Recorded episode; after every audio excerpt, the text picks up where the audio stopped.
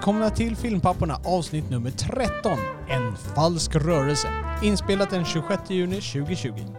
Förutom filmrecensioner av det vi har sett sen sist så pratar vi lite grann om nya filmer som är på gång, om filmvänner som har lämnat oss och vi lämnar även våra tankar om annat smått och gott. Som vanligt så förekommer spoilers för äldre filmer, men de som fortfarande går på bio eller är färskt tillgängliga på annat sätt, de håller vi fria från stora spoilers, åtminstone inte utan en ordentlig varning. Podden är möjliggjord av redovisningsbyrån Ekonomihjälpen som ni kan läsa mer om på ekonomihjälpen.se. Och med det lämnar vi över till våra värdar. Den fantastiska Oliver Grassman och jag själv, Robert Lindblad.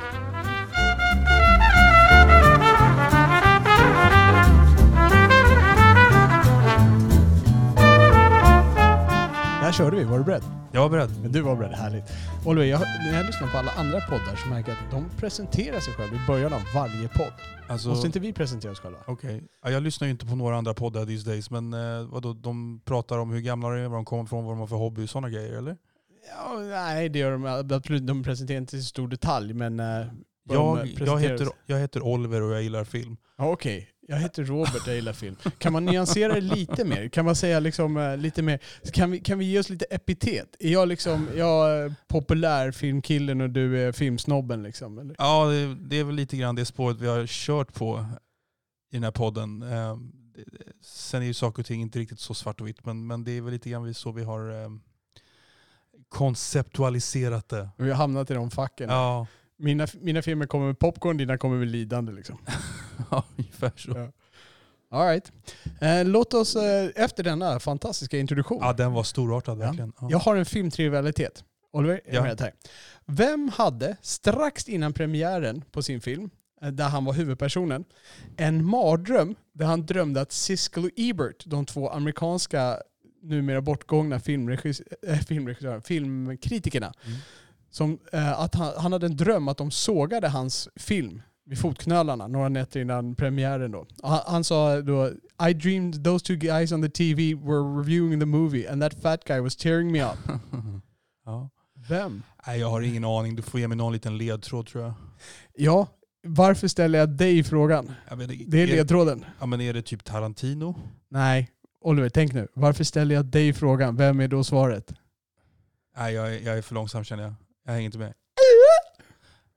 Prins? Prince! Inför Purple Rain vaknade han upp och hade Ja. drömt mardröm att Siskel Ebert skulle såga honom. Ah, okej. Ja, men eh, jag, jag var helt inställd på att, du skulle, att vi pratade om någon regissör här. Aha, okej. Eh, han var inte regissör, han var väl eh, mastermind någonstans på den filmen, men han var inte regissör. Ja, jag, jag Eh. sa faktiskt att han, var huvudpersonen. Ja, ah, det var det du sa. Förlåt. Ja. Okej.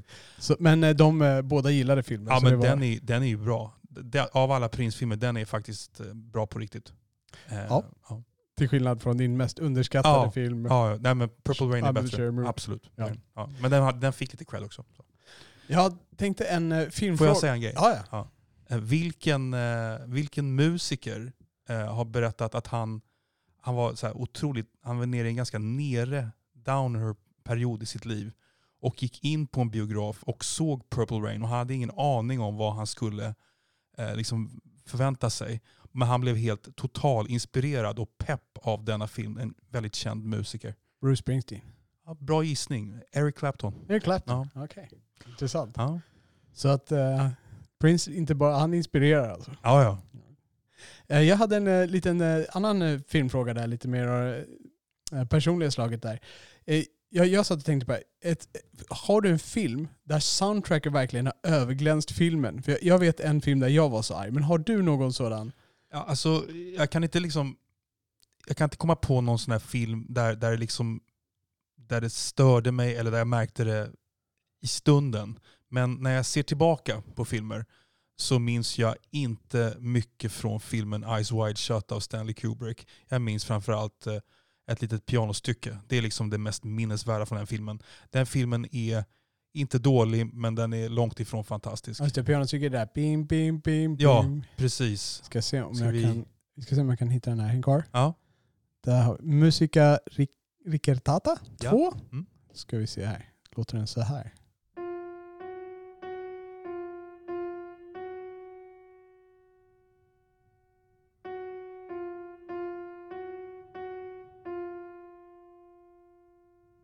Så du tyckte att filmen förtjänade inte riktigt det här soundtracket då, där det här är ett, är ett huvudsakligt exempel? Ja, förtjäna. Jag vet inte, jag bara som jag, det överglänste för, ehm, Det är väl för det är jag, det jag minns liksom. Ja. Ja.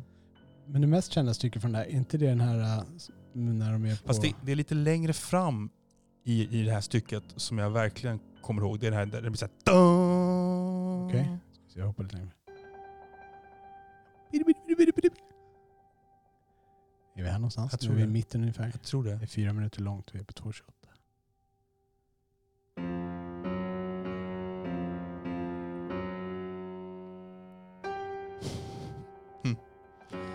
Jag ska, jag ska påpeka då att jag tycker inte det här är speciellt bra musik. Det är liksom... Det, är- Men Det, filmen är ännu sämre, eller? ja men liksom jag, jag, tog, jag tolkade din fråga så, det här är det jag Ja. minns mest från Ja. filmen. Ja, fair, fair enough, fair enough. Vi ska säga, det- jag måste bara säga, det stycket som jag minns mest från den här filmen, det är väl den här... eh, vad heter den då? Jag ska bara se om jag kan byta här. I wanna get to know you. Nästan, den här. Ja, Det här är när de är på balen där. just det. Eller balen, ja. Den heter Masked Ball, så jag säger balen. Precis, det är någon med någon så här röd mantel. Och Ja, och de går runt med massa masker där. Precis. Ja, det är väl en bal. Just det.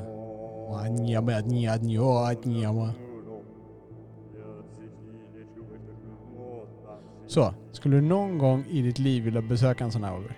Det som han besöker där? Nej. Nej, inte? Nej, nej.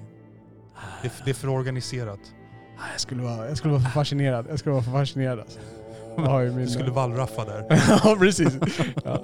Allting var bara in the name of... Uh, Research. exakt.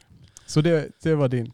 Ja, du då? Ja, jag, jag har en. Och jag kommer ihåg, jag var riktigt, jag var arg. Jag var genuint arg. Mm. Det var ett soundtrack. Jag ska se om du, när jag spelar det här, kan gissa vad det är för någonting. Ska vi se om du känner igen det här.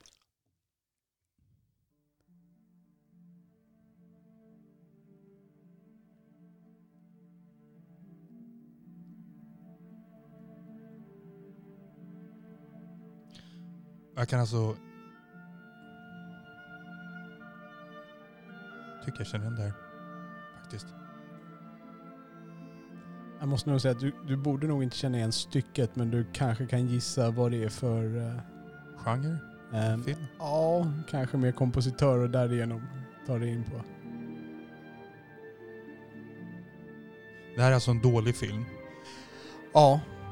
Jag, jag har förlåtit den lite mer på senare år, men... Eller... Inte på senare år, ja på senare år kan man säga. Men däremot så är den... eh, Men, ja just det. Men är det liksom, är, är, är, är musiken helt felplacerad eller är filmen bara så dålig? den lever inte upp till musiken. Nej. Det är jättebra musik. Jättedåligt skådespeleri. Jättedåligt, det är hårt att ta i men Okej. det, det är dåligt. Inte jättedåligt, dåligt. Är det här någon slags öppningssekvens? Nej, det här är kärlekstemat som heter Across the Stars. Som är kärlekstemat mellan Anakin och Padme i, någon av Star Wars? helt korrekt, Star. Wars Episod 2, Attack of the Clones. Okej. Ehm, och jag... ehm, jag blev bara så, så arg. För jag, jag tycker det här är ett riktigt bra stycke. De använder det på flera ställen i filmen och eh, resten av soundtrack i filmen är också bra. Men eh, som vanligt, eller som vanligt ska jag säga. Det är inte som vanligt. Men, eh, Men det är- den filmen lever inte upp till det. Ja, Nej. Men det är John Williams eller? ja det är John det är Williams. John Williams. Helt korrekt. Ja, okej.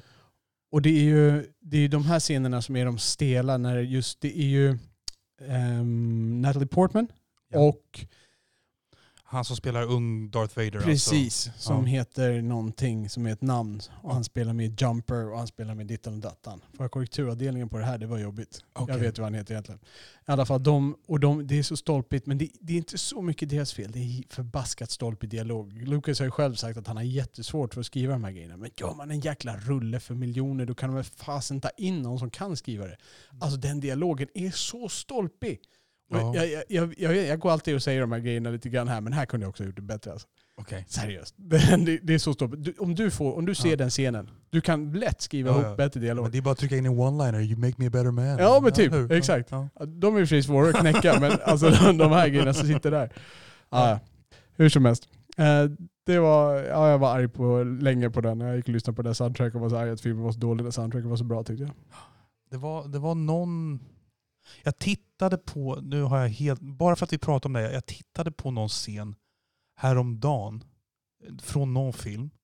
Jag kanske kommer ihåg det till nästa avsnitt, eller aldrig. Så får det här vara ett vakuum in absurdum. Ja.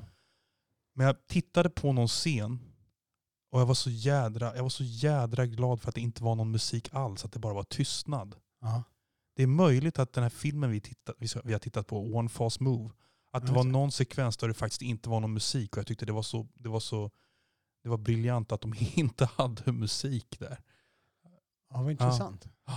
Jag Eh, måste erkänna, jag, jag, jag kommer också ihåg att jag satt och tänkte på det nyligen. Kan det ha varit i samma film där också då? Ja, Eftersom vi båda sett den nyligen. men eh, vi återvänder till det sen kanske. Men vi, vi berörde lite grann här, för One False Mood var det ju vårt lyssnare Robert P som hade tipsat om. Och han eh, är aktiv och har även skickat ett, eh, ett ljudklipp eh, från Aliens, det här via YouTube. Jag kommer lägga ut alla de här klippen jag lyssnar på, plus det här klippet vi lyssnar på nu, så kommer jag lägga länkar på avsnittsanteckningarna på vår hemsida. Så om ni vill gå in och lyssna på det här och kika lite mer om det kan ni gå där och kika.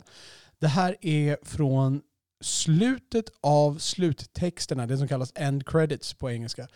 Eh, slutet av sluttexterna och då finns det ett litet ljud, ett, alltså ett filmljud som går utanför musiken som vi ska lyssna efter här nu. Så här tar musiken slut. Och texterna har rullat bort. Liksom. Lyssna nu.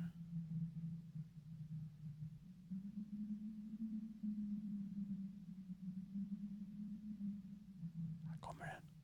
Är du beredd? Tre, två. Hörde du från vänster till höger för er som lyssnar i stereo?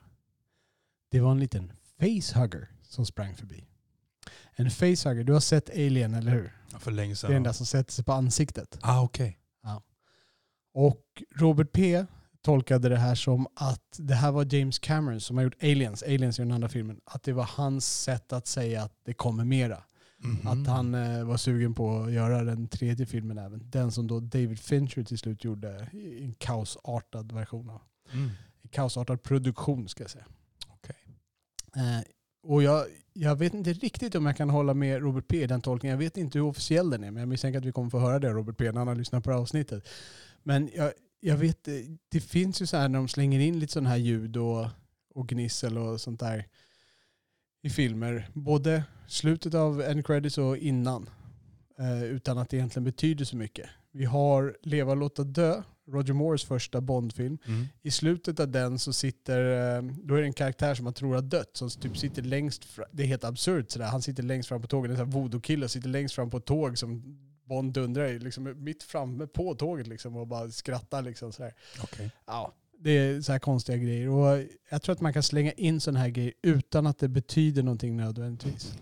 Helt associerings... Eh, helt fri associering här. Så kommer jag att tänka på Fight Club igen. Berätta, hur? Ja men absolut sista, du vet i slutet där när Edward Norton och Helena Bonham Carter de typ håller varandra i händerna och, och han har hittat sig själv. Och världen håller på att gå under. Ja, precis. Och så klipps det in en, en liten dase snabbt en millisekund. Gör det? Ja, det är ju som en sån här liten... eh, Brad Pitts karaktär håller ju på med sådana där dumheter det. när han jobbar som productionist. ja. Så att, eh, det blir en liten metaelement, metaelement i slutet på den filmen. Kommer du ihåg det? Nej, jag kommer inte ihåg det. Nej. Nej, det kan jag bort. Okej. All right. Mm. Ja, det här var James Camerons dase då. All right. Vi tackar dig Robert P. Du, vi uppskattar extremt mycket den feedbacken vi får från alla våra lyssnare i alla former. Eh, och det är jättekul att få latcha med de här grejerna. Eh, ska vi med det kliva över till korrekturavdelningen? Oh yeah! Ja. Du Hur- pratar... Förlåt. Ja. Hur lång är den idag? Ja, den är väl eh, inte så jättelång. Halvlång får Ja. vi kalla för det. Mm. Du pratade om en skäggig kille som var med i filmen Manhunter men kunde inte komma på namnet på honom. Nej precis, han heter ju då William Peterson och han är ju mer känd för att han spelade huvudrollen i CSI i många år. Okej. Du vet fortfarande inte riktigt vem det är? eller? Nej, det vet jag inte. Men om jag lägger in en länk på, i avsnittsanteckningarna så kan jag passa på att titta på bilden. Då kommer jag säkert känna igen honom. Men han är som sagt lite lik eh, miljöpartisten Peter... Ja, vad han nu heter. Jag nämnde ju hans namn i förra det när vi tog upp det här. Oh my goodness. Ja, ja. Det ja, det här är bästa avsnittet någonsin känner jag. Ja. Politikpapporna nästa Ja. avsnitt. Miljöpartiets hela laguppställning. Right. Ja, sen hade vi lite mer kring ehm, Hannibal Lecter och allt det där va? Precis, för. Manhunter det var ju första filmen om Hannibal Lecter som gjordes på 80-talet, innan När lammen tystnar. Eh, och då var det om böckerna. Och då hette böckerna där, för jag, hade ju för mig att Red Dragon hette boken som Manhunter var baserad på och sen gjorde de om den i en film som hette Red Dragon. Så de har gjort Red Dragon två gånger då. En gång under namnet. Och det var så, boken hette mycket riktigt Red Dragon. Eh, och sen, de böcker han har skrivit är Red Dragon, Silence of the Lambs och Hannibal. Och sedan så skrev han författaren, och det är Thomas Harris som är författaren, så skrev han även Hannibal Rising. Det här var när filmbolaget som ägde rättigheterna till karaktären Lecter meddelade att de skulle släppa en, en nerföljare, kan man kalla för det? Okej, Istället för en uppföljare, alltså en prequel. Prequel, ja. Ja. ja. Ehm, och då, då skrev han den eh, där. Jag, jag har inte riktigt förstått om det var så att då ville han föregå dem istället för att de skrev ett manus så han inte fick några pengar eller, antingen, eller så att det blev dåligt. Men den filmen blev riktigt dålig. ja. Hannibal Rising. Ja, Herbie Hancock eh, som vi pratade om, han vann ju då 1987 sin enda Oscar för soundtracket till Round Midnight. Ja just det, det pratade du om. Ja, precis. Och, Och, go- och då pratade vi om att Jerry Goldsmith var en av dem han slog. ja, precis. Så vi tänkte vi tar upp eh, de som var nominees jämte Herbie då. Och det var en extremt intressant lista om man tittar på vad vi har pratat om de senaste avsnitten. Ja, det är några av dina favoriter här. Ja, även mina. Um, Aliens då av James Horner. Som jag jämförde eh, Jerry Goldsmiths Alien soundtrack med. Precis. Eh, och då var, då var det nominerat för en Oscar där. Ja. Sen har vi då Hoosiers, eh, musiken av Jerry Goldsmith. Jag vet inte vad det är för film. Det? Nej, Hoosiers, jag känner igen namnet bara. Ja. Eh, The Mission av Ennio Morricone, din favoritsoundtrack av Ennio Morricone? Eller? Ja, precis. Det Ja. var, jag lyfte fram något stycke där förra avsnittet. Och sen Star Trek 4, The Voyage Home av Leonard Rosenman. Och vem har gjort mycket Star Trek-musik? Eh, Jerry Goldsmith. Ja. Det här är cirkeln i slutet. Ja. Men, nu får du en quiz här. Ja, nu får jag en quiz. Härligt. Jag älskar quiz. Vad heter mannen som skrev det här klassiska eh, Star Trek signaturmelodin från Åh, tv-serien? där? Jag vet ju det här egentligen. Åh, oh, jag vet det här egentligen. Ge mig förnamnet bara. Du får efternamnet istället. Efternamnet. Mod på svenska. Courage? Ja. Va? Nej, nu vet jag inte. Berätta. Alexander Courage. Jaha, okej. Ja, det, det Ska vi spela lite av det? Nej. Nej, vi ska Okej. inte spela lite av det. Ja, men det är precis det. Yes. Jag trodde jag visste det, men Alexander Kurt känner jag inte igen.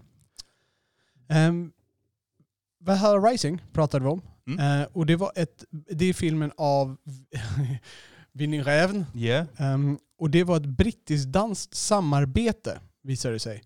Men det ter sig att danskarna räknade som danskt. För vi pratade om att danskarna hade gett pris på sin egen filmgala och vi undrade om det var en dansk film eller om det var en amerikansk film. Så här. Ehm, men de räknade som dansk trots att de pratar engelska. Eh, för att filmen fick pris och nomineringar just på danska filmfestivalen. Okej. Ja, mannen som skrev och regisserade den här filmen Darling som jag hade som contender eh, för bästa svenska filmer.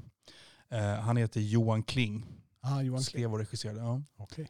Och då, vi pratade fortfarande om svenska filmer där, så Fyra nyanser av brunt nämnde du, nämnde du att det var Killinggänget, men regissören där var Thomas Alfredsson. Precis.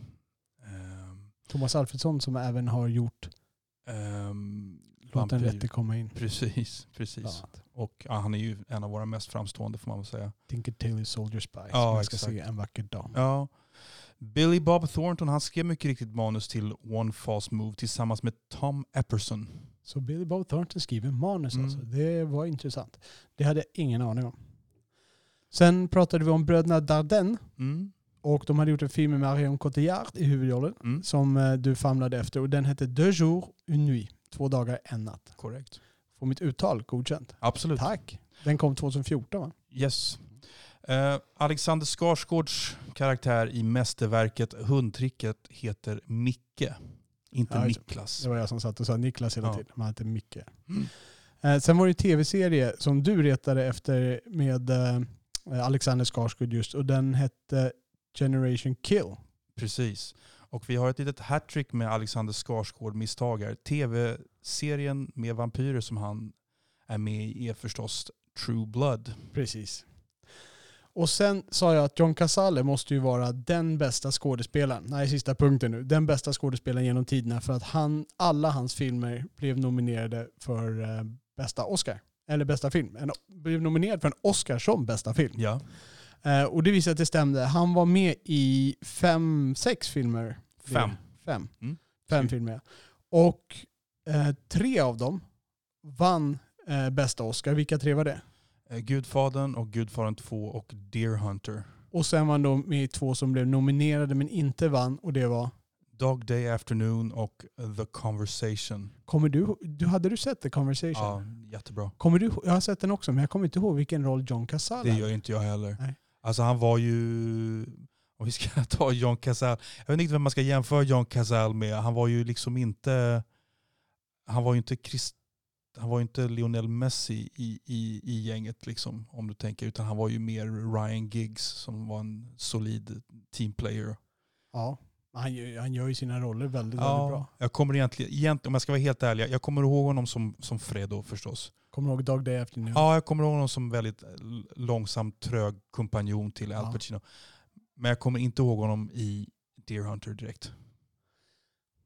Nej, jag kommer bara ihåg vagt. Jag kommer ihåg på bröllopsscenen. Jag kommer inte ihåg vad som hände med honom Nej, inte jag heller. Nej. All right. Så det om John Casale. Och det om eh, korrekturavdelningen. Ja.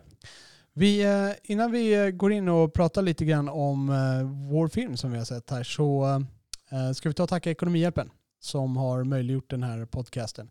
Vi sitter tillbaka nu i Ekonomihjälpens lokaler efter att ha haft en snabb visit hemma hos självaste Oliver. Och Ekonomihjälpen är en redovisningsbyrå som sitter i Tyresö här och jobbar eh, främst på Södertörn men inne i Stockholm också. De har eh, prisvärda extrem, och de är extremt hjälpsamma. Det är humana priser. Det är, det är ingen överdebitering här som det är på många av firmorna inne i stan. Vi ska inte nämna några namn. Utan det är, det är schysst debitering, det är ordentlig hjälp. Man jobbar för företagen som de jobbar för. Och jag fick, eh, jag fick vara med och läsa ett brev, ett mail ska jag säga, som en av tjejerna där fick just av en kund nu så här lite innan sommaren. Då skrev han så här, jag måste bara tacka dig stort för allt du gör för mig och mina bolag. Det du, du gör det du ska, men inte nog med det. Du överraskar ständigt med att du gör det där lilla extra. Jag är mycket nöjd med att jag bytt till er redovisningsbyrå. Trevlig sommar. Det här var vår kollega Louise som fick. Och eh, det, sånt här värmer jättemycket. Det är inte alltid vi får sånt här kunder. Men det visar också lite grann hur, hur de jobbar på Ekonomihjälpen. För det är det där lilla extra. Jag menar, bokföra det kan alla göra, men att stå på sidan av alltså stå vid sidan av företagen och hjälpa dem, det är det inte alla som gör. De försöker verkligen vara din egen ekonomiavdelning på det här företaget. Eh, om du vill veta mer om Ekonomihjälpen så kan du gå in på ekonomihjälpen.se eller skicka ett mejl till info.ekonomihjälpen.se så återkopplar de till dig. Du finner de här kontaktuppgifterna i avsnittsanteckningarna och med det så tackar vi Ekonomihjälpen för att de gör filmpapperna möjlig och återvänder till diskussionen. Yes. Vad har vi sett sen senast Oliver? Vi har sett en film. Ja, jag har också sett en film. Vi har sett samma film den här gången. Robert, P- Robert P's rekommendation. Ja, och det, varför rekommenderade den här filmen? Hur kom vi fram till den? Jag kommer inte ihåg. Jag- Regissören. Just det. Eh, och regissören heter Carl Franklin. Precis. Och vilken Carl Franklin-film pratade vi om? Eh, Devil in a blue dress. Precis. Och då nämnde han den här filmen att han även hade regisserat One False Move som Robert P tyckte väldigt mycket om. Ja. Så vi letade upp den här. Den var inte så lätt att hitta. Nej. fanns bara på Microsofts, eh, alltså Xbox-tjänsten. där. Man behöver inte ha en Xbox, men om du har en Windows-laptop så kan du öppna Microsofts film och tv, tror jag appen heter, som kommer med alla Windows 10-datorer. Mm. Och eh, där kunde man hyra den för 39 spänn. Eh, Så vi hyrde den där och kikade på den. Vilka är det som är med i den här filmen? Regisserad Carl Franklin, men vad har vi mer? Ja, det är då manus av Billy Bob Thornton som även spelar en av huvudrollerna. Och sen har vi eh, Cinda Williams. Ja. Ehm, och sen så kommer inte jag ihåg vad deras kompanjon, vem, vad han heter, han som spelar deras kompanjon. Just compa- ja, just det. Ehm, Michael Beach heter han. Just det. Spelar Pluto. Ja, och så har vi ju då ehm, Bill Paxton som Precis. eh, landsortssnuten där. Ja, just det. Och eh, vad handlar filmen om? Ja, man eh, lan- launchas in i the action nästan omedelbart. Verkligen, Ja. rakt in. Eh, den här, det här gänget då, spelat av de här tre skådespelarna vi nämnde först. ehm, de, gör, de har lite halvavancerad kupp. De, de går in, tjejen i det här gänget, hon hon, hon har väl någon slags halvrelation till de här människorna. De kommer in i huset. Precis, det är, Ja. hon, det är hon som lurar in dem i huset Ja. med sina Och eskapader. sen blir det en jädra massaker. Ja. Och sen så, men det de ska, det de ska jag tyckte det var ganska, ja, rätt krånglig handling. Ja, är, hon, hon tar ju med sig sina två kumpaner där, Pluto och Ray, då det är Beach och eh, Bill of Thornton. Och de, det här gänget som hon infiltrerar sig hos, de har kontakter med en langare. Så hon tvingar en av dem, de tar de här som gisslan och så tvingar hon en av dem att gå över till den här langaren och så tar de sig in i langarens lägenhet. Där han är hemma med fru och barn då. Mm. Och där stjäl de ha- en, ett ganska stort lager kokain tror jag att det är. Ja, och pengar. Och, och en del pengar. Inte så jättemycket kontanter. Nej. Ja, relativt här 15 000 dollar eller någonting sånt där. Men redan där har de dödat fem, sex personer va? Ja, de dödar dem efter att de har fått tag på allting. Då ringer de tillbaka. Han, Pluto väntar då med den här gisslan där ena och då tar han livet av dem och de mördar också hela den här familjen. Yes. Och hon smyger upp på övervåningen för hon ska leta upp barnet och hon hittar det här barnet som Raid, Bill Bob Thornton, och vill döda också liksom, för att han inte vill lämna några som helst vittnen. Nej. Men hon låter barnet komma undan. Hence one's, one false move, Ja, man vill säga. Tänker jag. tror det. För jag, tänk, ja, eller jag tänker mig att det är, då, det är så de, ja, jag utgår ifrån att, det är, att de får något litet vittnesmål från den här lilla killen. Eller jag, jag vet inte riktigt hur. Ja, jag vet inte. Ja. Hur, hur det hela, hela det polisiära. Om vi ska gå in, till, gå in på vad vi tycker om den här filmen. Ja, vi, vi glider Eller? vidare på handlingen och Okej. berättar hur den eh, Okej. går vidare där. För att sen försöker ju då, de, eh, de här eh, försöker sen fly, de här tre brottslingarna då, tjejerna och de här två killarna.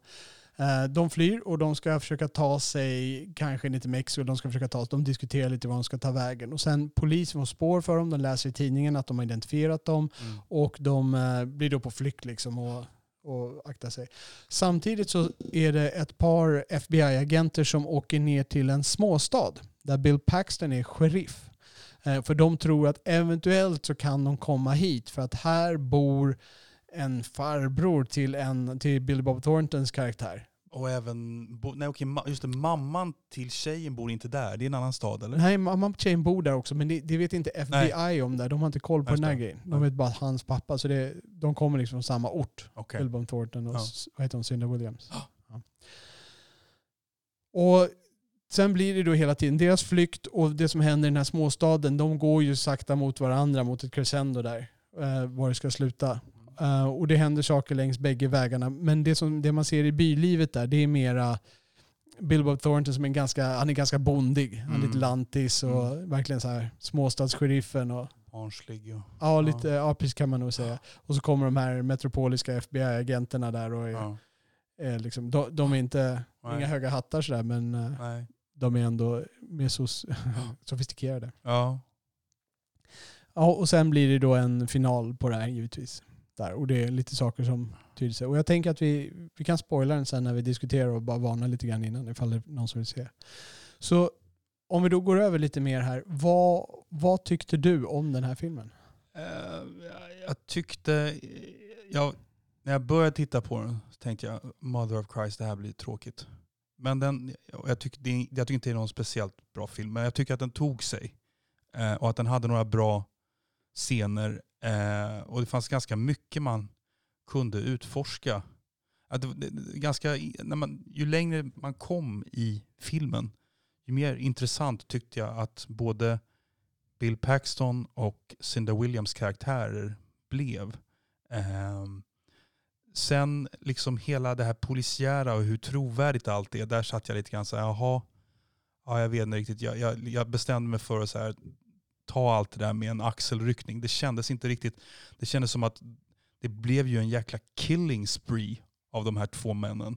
De dödade väl fem personer, eller sex personer där i början som vi nämner. Ja. Sen dödar Cinda Williams en polis. Ja. Och sen så kommer de till någon knarklangare som försöker blåsa dem.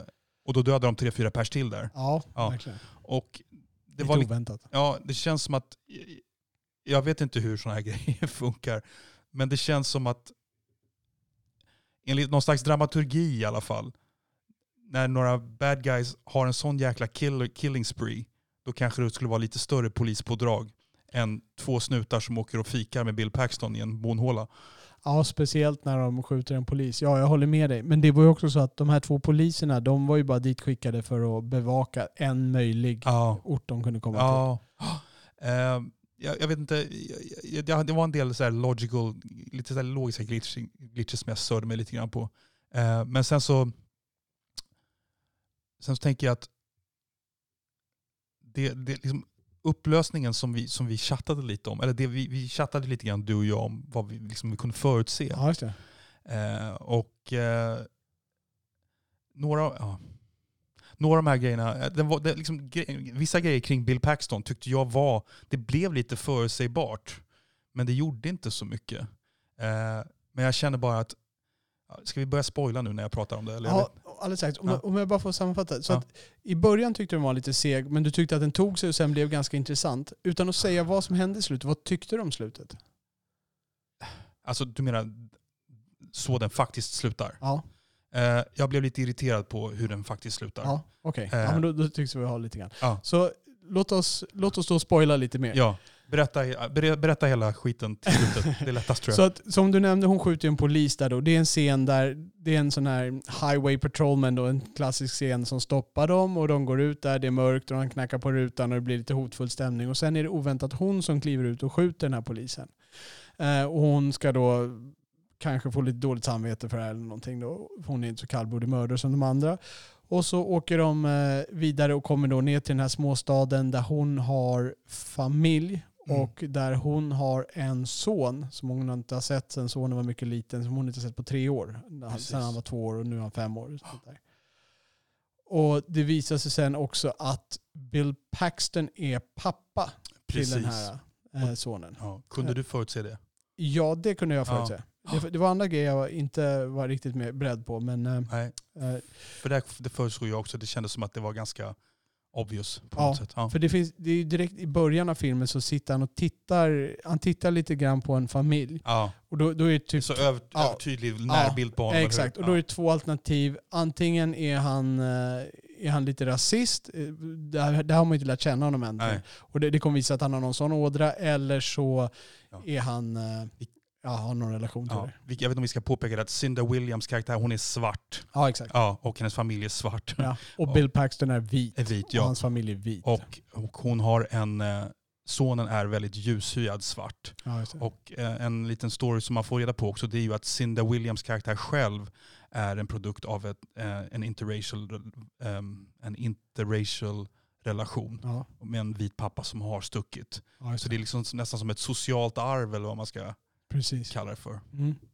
Som, går i, som går i repetitioner. Ja, Och det som händer då på slutet är ehm, Bill Paxton som småstadssheriffen, han får reda på att de är på väg och han, är, han har lite så här cowboy, lite John Wayne i så han ska lösa det här själv och han ska lösa allting. eh. Så han eh, åker ut för att konfrontera de här när han, får, när han vet att hon är ute i en, Mm. hon har gömt sig i ett hus ut, utkanten av staden. Så han åker dit för han vet att de andra två kommer att komma dit förr eller senare. Och mycket riktigt kommer de dit. Och då blir det en, han ska då tillfångata dem. Men det går lite åt pipan. Eh, Han blir stucken med en kniv, han skjuter dem och de skjuter varandra. Och nu kommer den största spoilern. Så om ni inte har stängt av redan, stäng av nu ifall ni inte vill höra. 3, 2, 1. Även Cynda Williams karaktär blir skjuten ganska rakt i huvudet. oceremoniellt. Ja, Mm. ja. Så Pang alla så. tre, alla tre bovar dör. Ja. Och Bill Paxtons öde är ovisst. Och det var det jag tyckte, det blev jag fruktansvärt irriterad på. eh, Ja. Under ett sånt. Han ligger alltså, i, han har då varit någon slags hjälte och Mm. så kommer Mm. poliserna, då hans poliskompanjoner kommer och hjälper honom då, där den här lilla sonen till Cinda Williams är med. Och då ligger Billy Bob, nej inte Billy Bob, Bill Paxton på marken och är blödande och det är lite oklart exakt hur skadad han är men han har fått en kniv i magen.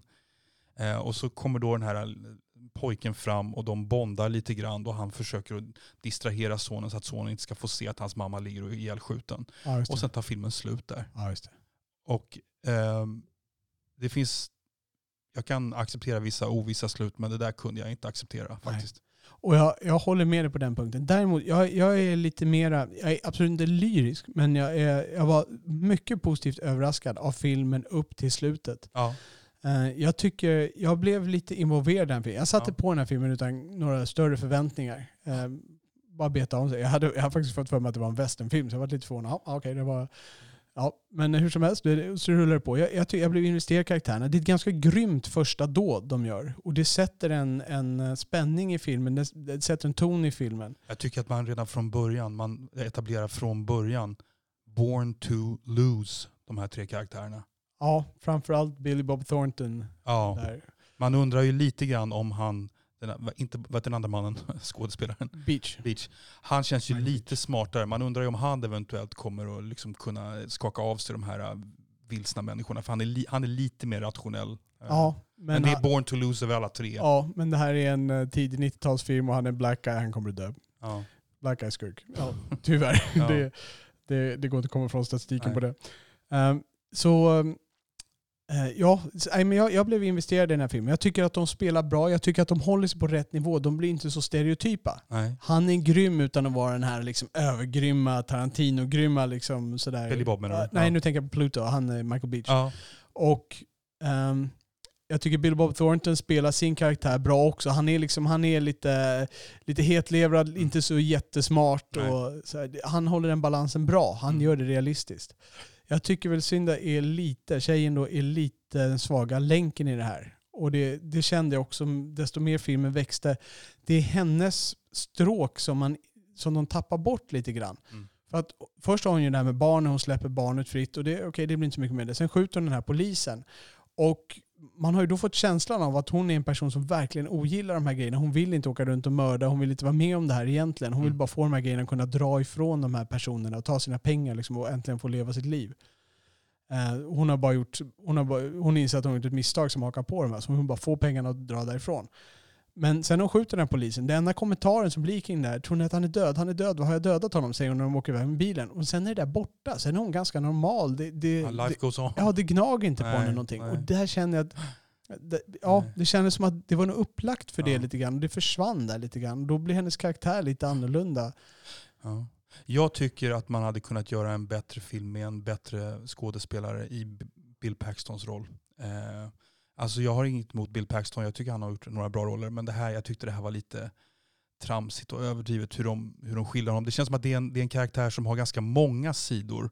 Han är liksom glad, lite ansvarslös. Han har det här som spökar då, att han har en oäkting som han döl, döljer för alla. Eh, och så är han så här barnslig och han är...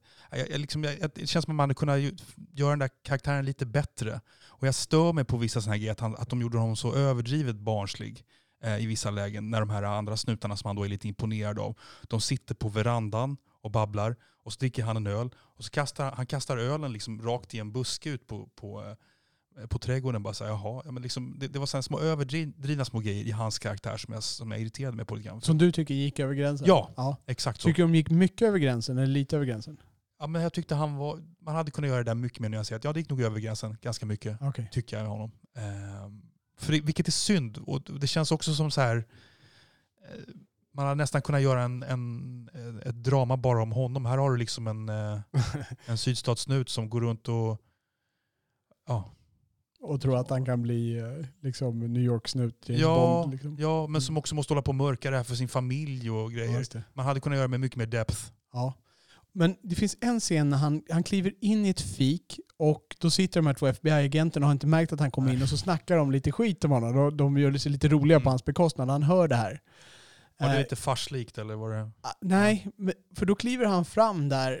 Och det som var skönt i den scenen just att han kliver fram faktiskt och, och, och, och äger det lite grann. Alltså hans karaktär gör det. Han går fram och säger det. Ledsen att jag satte dig på plats eller att jag satte dig i en svår situation Ja. i morse när han Ja. hade pratat med honom om Ja. att han skulle följa med till New York och bli snut med dem och samarbeta. Det Liksom. var en sympatisk dimension av honom. Ja, Det håller jag med om. Och jag, jag, för, för mig, jag tyckte den karaktären fungerade. Alltså det finns ju sådana där jobbiga karaktärer som verkligen inte ser sina brister, som avbryter folk och som, eh, som Ja. är ganska... Absolut. Det känns bara som att det var, det var ganska mycket, kanske om jag säger så här, det var ganska mycket man skulle cramma in i den här karaktären. Ja. Han ska vara en bortskämd unge som håller, håller låda. Han ska vara en misslyckad snut som inte kommer någon vart. Han ska vara en kille som, som har en oäkting han måste mörka. Det är lite mycket att cramma in i en och samma karaktär. Och han löser problemen i staden på sitt egna lilla Ja, sätt. Så han är ja. egentligen ganska bra på det han gör ändå. Ja, Ja, men jag hade liksom...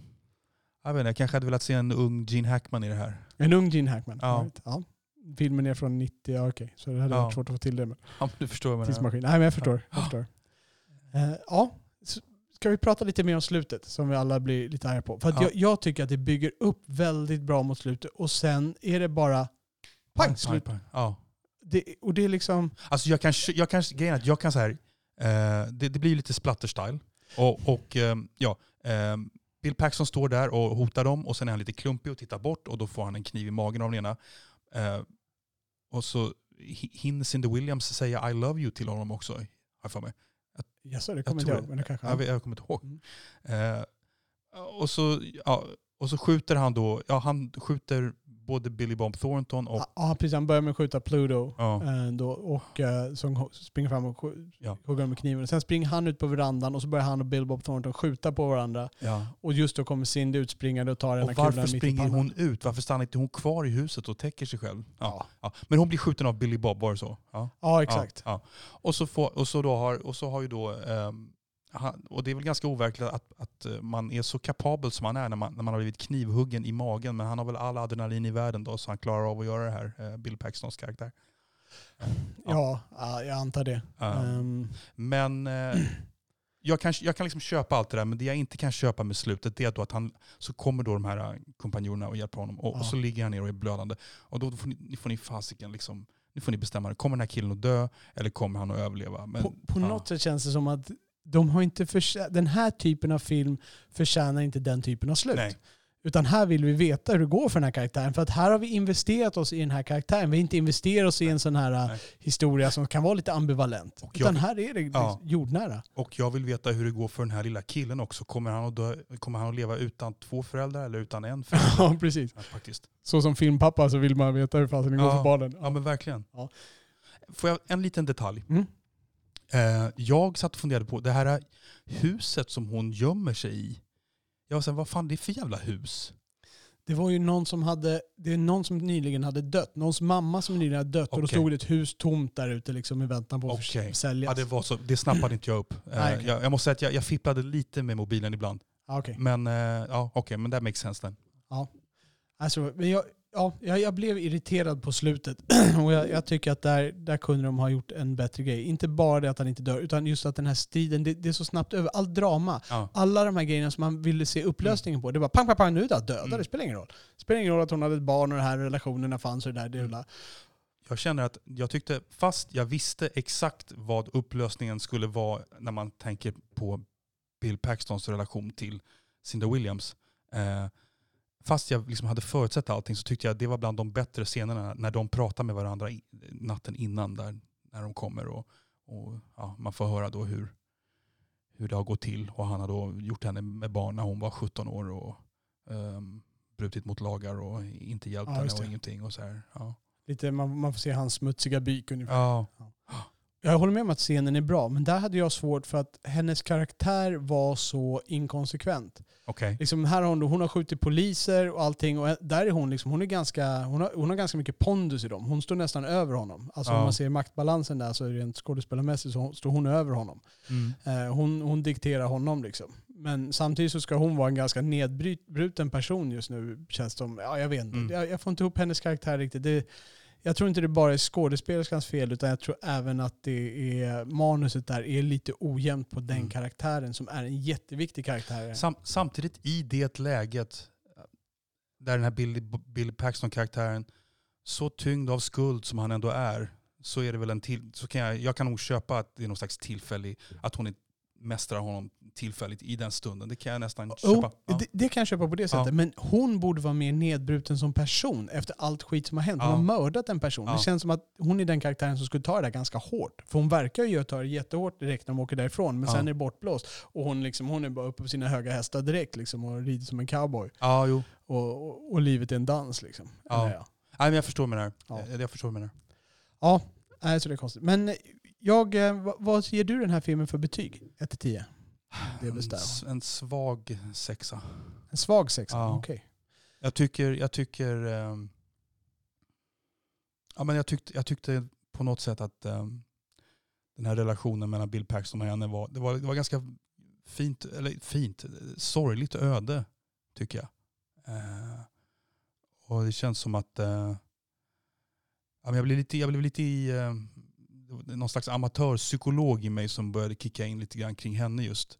med det här att hon själv eh, oäkta barn till en vit man och en svart kvinna. Och så upprepar hon det här beteendet både med att, med att eh, eh, få barn då med Bill Paxton och sen har hon ju en relation även med Billy Bob Thornton och söker sig till ganska hemska män. Ja. Så en sexa. Ja. Mm. Jag, jag satt faktiskt med en åtta på den här filmen ett bra tag. Eh, Jag eh, tyckte det var bra regi, bra skådespeleri. Mm. Jag tycker dialogen var intressant. Jag tycker det var bra dialog. Eh, Jag, var, jag blev investerad i, i karaktärerna. Jag var intresserad av att se scenerna, liksom både när de reste eller när de flydde längs vägen, likväl som när de var i småstaden och liksom allt pisset som hände där. Mm. Jag var intresserad av att se filmen nästan varenda scen. Mm. Men sen slutet skjuter sönder den här åttan och det blir en sjua till slut. Det är bara slutet som Ja. skjuter sönder, inte bara skurkarna utan även åttan. Om vi pratar om spänningsfaktorn då? Alltså slutet känns ovisst. Ja. Du, jag kommer, du skickade ju ett mess till mig som vi pratade om där, ungefär 40 minuter in i filmen, där du förespådde bland annat att Bill Paxton skulle dö. Mm. Och du förespådde att han var pappa till det här barnet och det. Eh, jag, jag trodde inte Bill Paxton skulle dö. Ehm, för, för att konventionen i det här är att har, han har familj och han har barn och då dör man inte. Fast jag tänkte nog, jag tänkte att han, han får chansen att visa sig som en, en fantastisk snut men Ja. dör. Det var ungefär så jag tänkte. Ja, precis. Ja, Men jag tror att konventionen att han har familj och barn, då dör man inte i filmer. nej. Trumfar det i de flesta filmer. Och när, när, det, när, det, när det bryts mot den regeln, då är det, gör det till en originell film i mina ögon.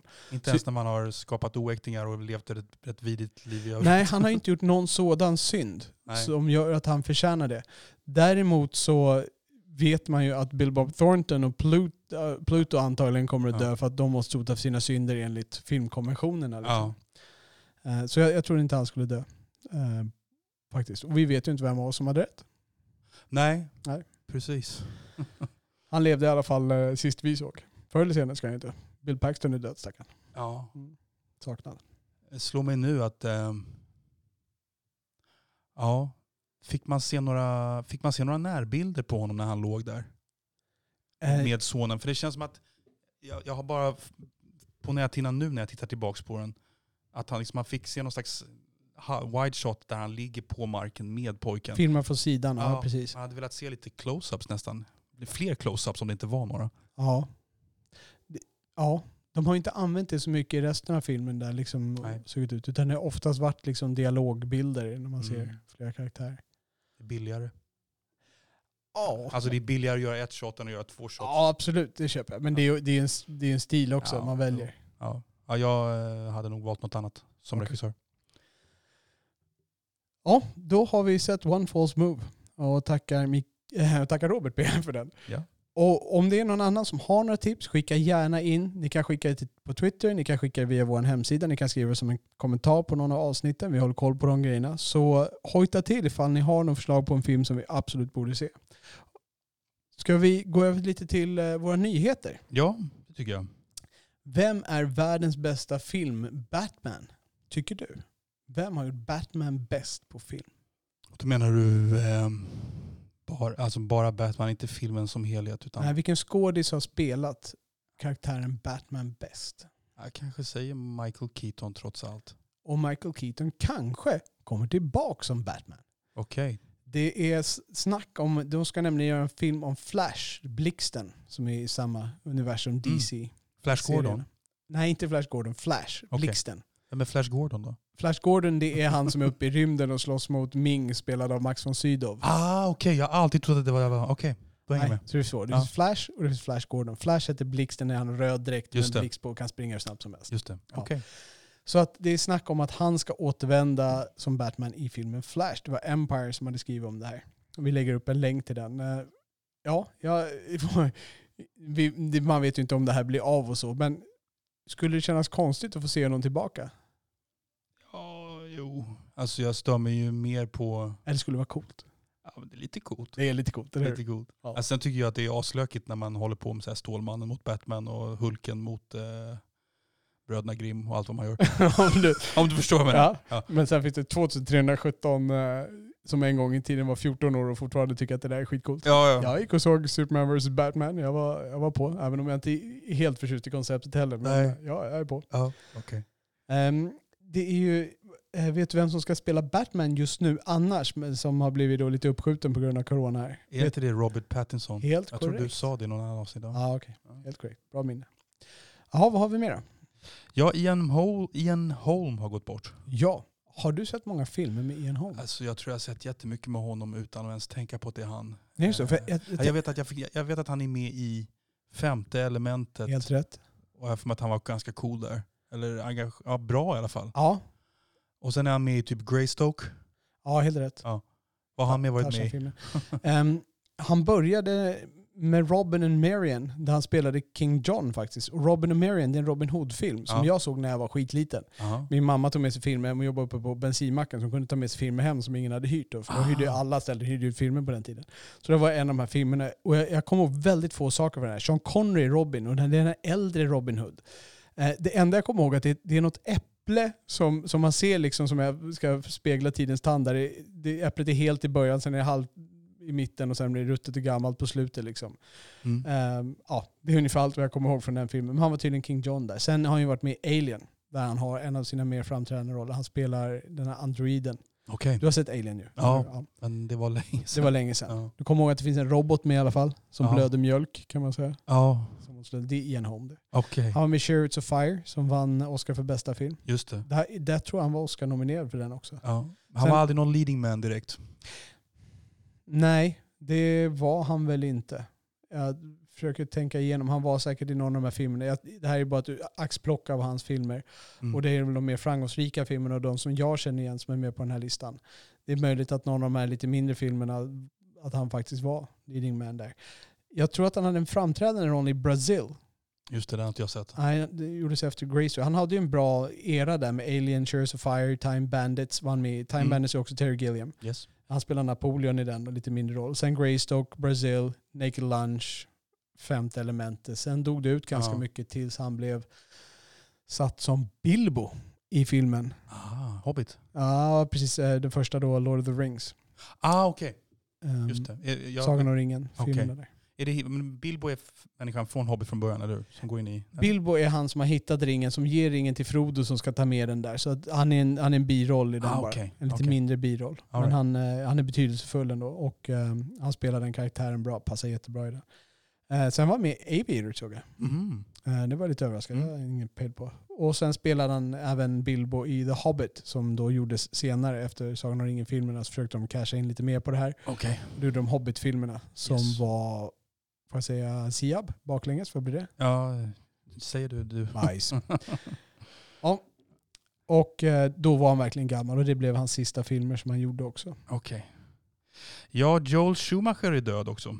Regissören. Regissören Joel Schumacher. Som har gjort eh, väldigt mycket filmer. Ja, Saint Elmo's Fire, The Lost Boys, Flatliners, Falling Down, The Client, Batman Forever, A Time to Kill, Batman and Robin, Tigerland, Bad Company, Phone Booth, The Phantom of the Opera, The Number 23, Trespass. har du sett många av hans filmer? Eh, några av de här har jag sett. Eh, jag måste bara fråga, Trespass. Det finns ju en Trespass även av eh, Walter Hill tror jag. Precis, med Ice-T Ice, och Ice Cube också. och Ice Cube. Ja. Mycket is i den ja, filmen. men det här är en annan Trespass. Det här är en annan Trespass med Nicole Kidman.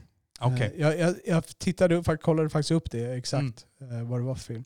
Number 23 var jag en av dem som jag var förvånad att han hade regisserat. Vet du, vilken film, vet du vem, vad det är för film? Nej. Det är Jim Carrey, komikern Jim Carrey i Ja. hans dramatiska Just roller, det. i citationstecken då, där han blir besatt av numret 23 för att han inser att allting i hela världen blir 23. Man kan alltid få allting till att bli 23. Vad, vad, vad associerar du till 23 till vardags? Ja, det saknar en 17 från att vara världens bästa tal. Ja, jag tänker Michael Jordan annars. Ja, just det. Ja. Michael Jordan. Ja. 23 ways to make you play. Ja.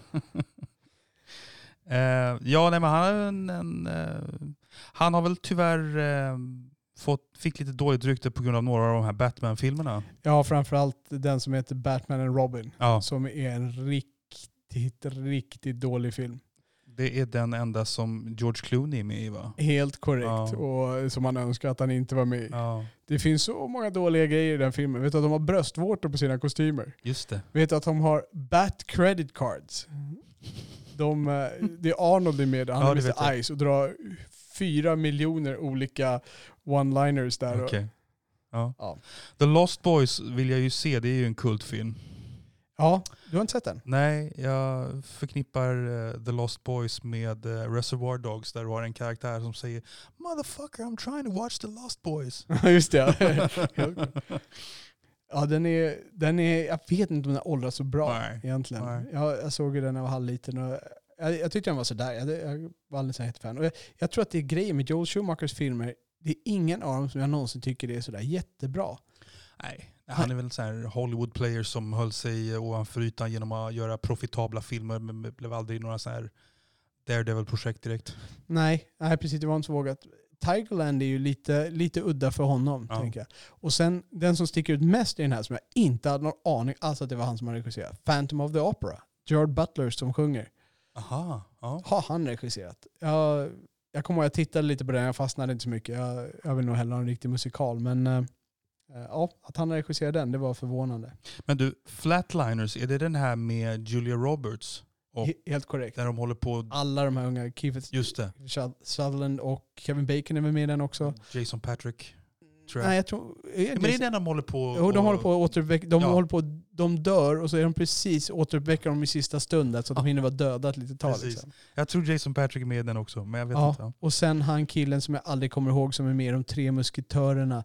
Heter han Oliver någonting? Nej. Är det Oliver Platt? Ja, tänk, jag vill säga Oliver Platt. rund- ja, precis. Ja, det är Oliver Platt. Okej, det är Oliver Platt. För jag tänkte säga det, men jag tror det var fel. Okej. Ja. Falling Down hade han regisserat också. Överskattat tycker jag. Ja. Eh, ja, det blir ändå en Hamilton-film. Ja, vilket jag varit lite överraskad för. Mm. Tittade du på trailern? Nej, alltså det går ju någon tv-serie nu med Hamilton. Eller, Ja. om, det är, eller om det är filmserie. Men det, är någon, det är någon ny Hamilton som inte är Persbrandt nu i alla fall.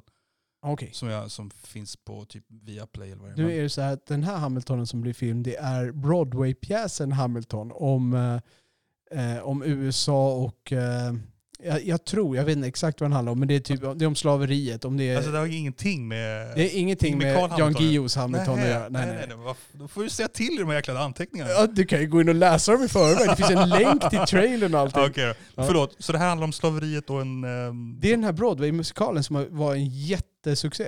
just Den det. var ju gigantisk succé och som nu då givetvis dog ut lite grann med corona. Men den var ju slutsåld varje kväll, kväll efter kväll.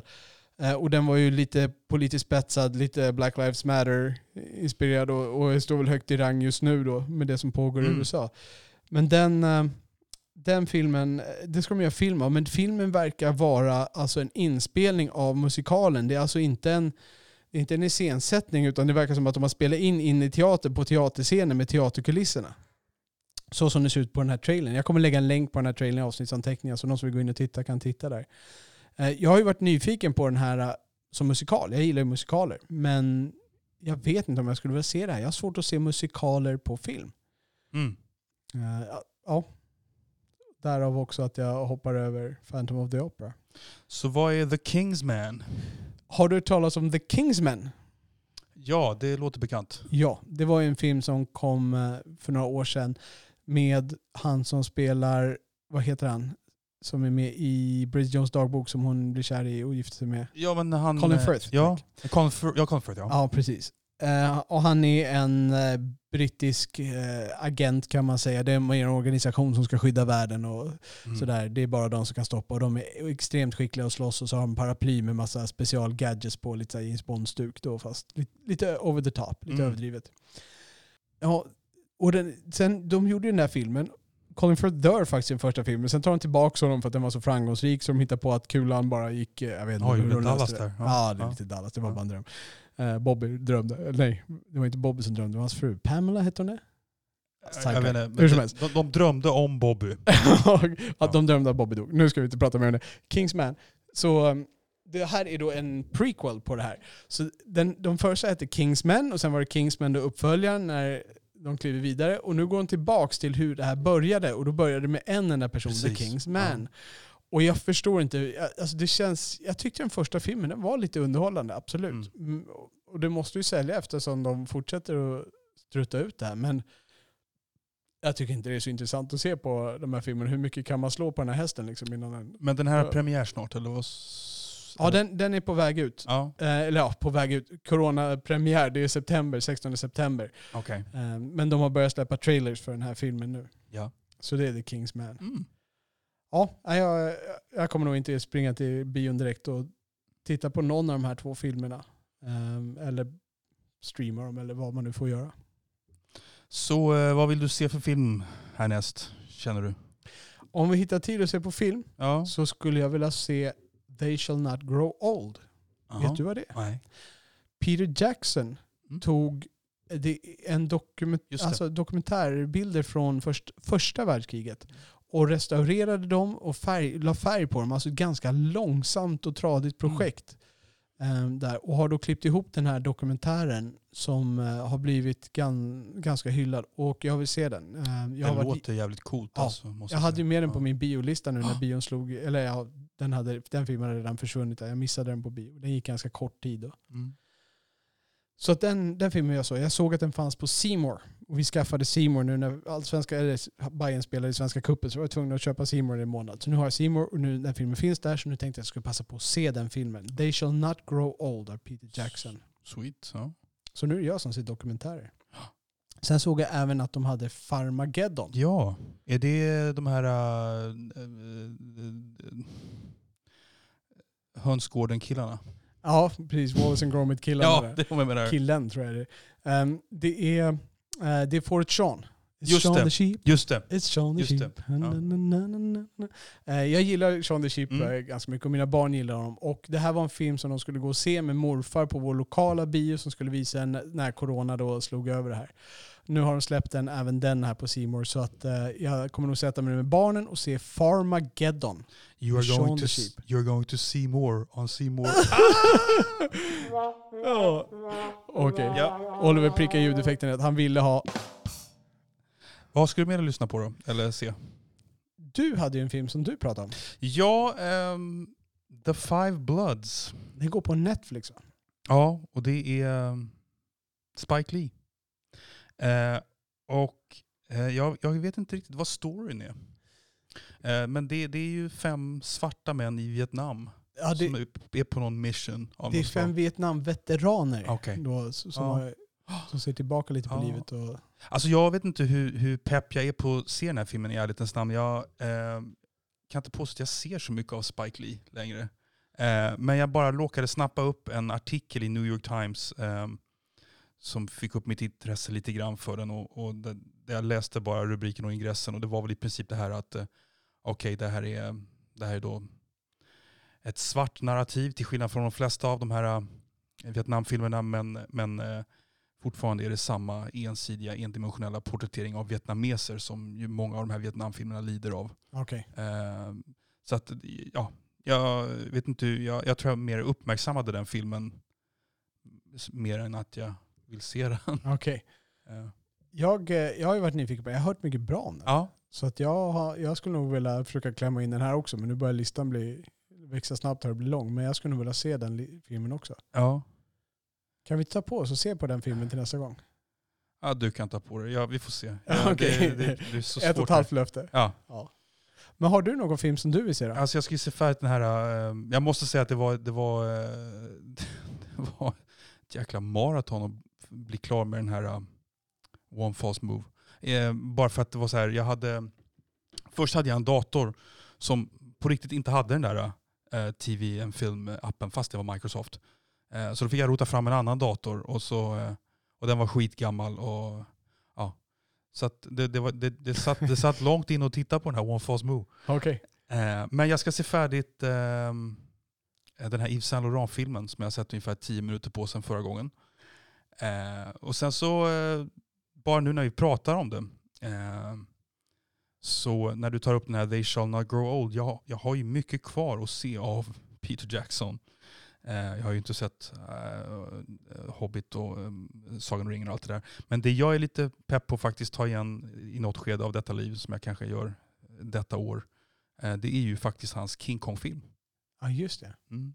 Den har du sett förstås? Nej, jag har, jag har sett bitar av den. Jag har Ja. nog sett tillräckligt många bitar av den för att eh, kunna göra min egen personliga bedömning. Men Okej, du låter inte som att du var så imponerad. Eller? Nej, Jag, jag, tror inte att den, eh, jag tror inte att den har en uh, energi rakt igenom. Nej. Jag tror han drabbade bort sig lite grann. Ja, är det så här, för jag har egentligen inga, jag har inga större referensramar kring King Kong. Man har ju sett fragment ur gamla svartvita filmer och jag har ja. sett någon dålig, fragment ur någon dålig film med Jeff Bridges och Jessica Lange. Jag, jag, har liksom ingen, jag har ingen King Kong-snobberi i sammanhanget. Jag kan mycket väl tänka mig att den är ganska underhållande. Liksom. Ja, ja, ja jag, jag tror att eh, jag, jag, tror inte att den kommer vara tillräckligt underhållande. Nej. Jag tror Peter Jackson här halkar bort sig lite grann på, på monster och, och storlek och spektakel. Okay. När det kanske skulle vara mera människor och relationer och känslor. Ja. Han är ju en häftig dude alltså. Han gör ju vad han vill alltid, känns det som. King Kong? Ja. Eller Peter Jackson? Nej, Peter Jackson. okay. ja, även King Kong får man säga, men nej, Peter Jackson menar jag. Ja. ja. han fick väl fria händer efter att han gjorde Sagan om ringen där. Ja. Men han gjorde också Hobbit-filmerna. Alltså det, det, är ett lite sorgligt projekt man kan diskutera en annan gång. Han tog över efter Benicio del Toro höll jag på att säga. Guillermo del Toro. Guillermo del Toro. Just det. Ja. Men var, var det så att han var, var Peter Jackson någon slags förtryckande producent först? Nej, alltså han var absolut involverad, det är jag helt säker på. Ja. Men jag tror, de har ju samarbetat, de har ju haft ganska nära samarbete tidigare de två. Ja. Så att de, de är nog vänner, så, där, så det fanns nog inget sånt groll. Utan det var Benicio del Toro... Guillermo del Toro. Tack. Guillermo del Toro. Eh, det var vanliga creative differences. Ja. Eh, för han ville göra någonting, han ville göra ganska underliga filmer liksom sådär. Och jag tror att han även ville twista den här historien lite grann. Medan då New Line Cinema är som gav ut den som ville ha mera en ny kassako som kunde följa Sagan om ringen. Okay. Och då Eh, då fick istället då tog de bort det och Peter Jackson vill egentligen inte regissera. Han vill inte viga ytterligare. Han har redan sagt att han vill inte viga ytterligare tio år av sitt liv. Så gjorde han fucking tre filmer istället. Ja, så gjorde de tre filmer, Hobbit-filmer där liksom. Ja. Och det blev inte bra. Nej. Jag såg inte ens den tredje filmen. Du inser att jag, ja, jag, älskar Sagan om ringen. Jag, jag, jag, kan sitta och titta på bajsfilmer. Jag hyr Minotaur, liksom B-filmer och sitter ja. och tittar på dem. Jag tittade inte ens på den tredje filmen för det var så dåligt. Du har ju haft din share of heartbreak med någon sista Star Wars-film som är bajs och sen ah. någon sista Hobbit-film som är bajs. Det är lite trist det där. Och jag menar, även Alien har väl korrumperats på vägen? Oh ja, ah, ja absolut. Ja. Våldtagits och förts över flera gånger. Ja. ja. Ja. ja, det var om det. Ska vi eh, ta avrunda lite grann? Vad kommer i nästa avsnitt? Då ska vi prata om dina 10-poängare. Då blir det Robert. Ja, det blir IMDB 10 enligt Robert. Precis. Jag har ratat över 1800 tv-serier och filmer och jag har endast nio stycken tior filmer. Som har, av alla de 1800 är det nästan nio filmer som har gett en tia full pott. Mm. Så det kan vi gå igenom då. Och vill ni följa oss så kan man följa oss på eh, Filmpapporna, att Filmpapporna på Twitter. Helt korrekt. Man kan lämna kommentarer på de olika avsnitten här inne. Avsnittsanteckningar finns ju. Vi lägger länkar och allt sånt där på vår hemsida så ni kan gå in där och kolla avsnittsanteckningarna. Där lägger vi upp trailers, klipp som vi pratar om, musiklänkar som vi spelar och sånt. Eh, ni kan också lämna kommentarer och rätta oss som vi har fått en del av här av våra lyssnare hittills så att vi har lite till korrekturavdelningen. Eh, frågor och feedback kan man lämna i ett kontaktformulär, eller hur Oliver? Det kan man då kan man skriva ner lite där. Man får skriva ner sin favoritfilm och skriva ner lite vad man tycker att vi kan stuva om. Eh, om vi har några filmfrågor, om det är någon film ni tycker vi absolut borde se eh, utifrån det vi pratar om. Så släng upp det där. Desto mer desto roligare. Your wish is almost our command. Helt korrekt. Nästan. Eh, men så är det nästan. I månadtid. Och podden kan man prenumerera på i de flesta appar. Och är det någon app ni har så där vi inte finns och hojtar till så ser vi till att vi finns där framöver. Och med det så säger vi hej och tack och från Oliver. Och hej och tack från Robert. Ja, och tack för att ni lyssnar. Ciao. Ciao.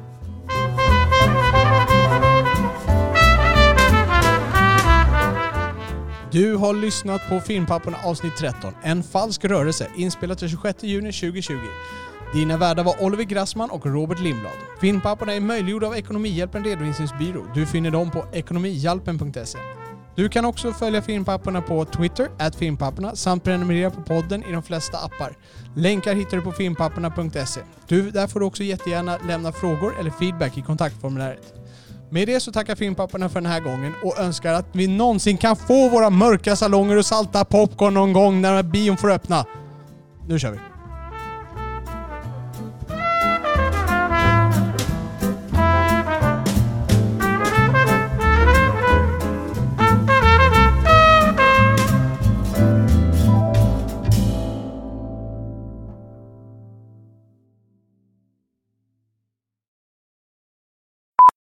Ja, ja, jag har en. Och jag kommer ihåg, jag var riktigt, jag var arg. Jag var genuint arg. Mm. Det var ett soundtrack. Jag ska se om du, när jag spelar det här, kan gissa vad det är för någonting. Je suis à prendre. Tvåan. Tvåan.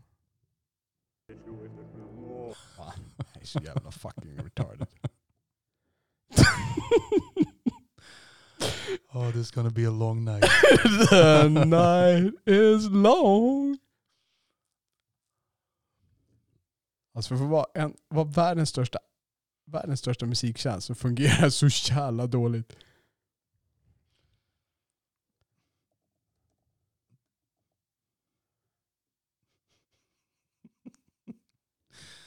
Anders Tegnell har tydligen en dotter som småklagar på allt. Hon heter Li Tegnell.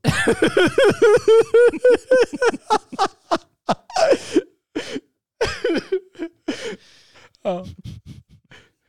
All right. Ja.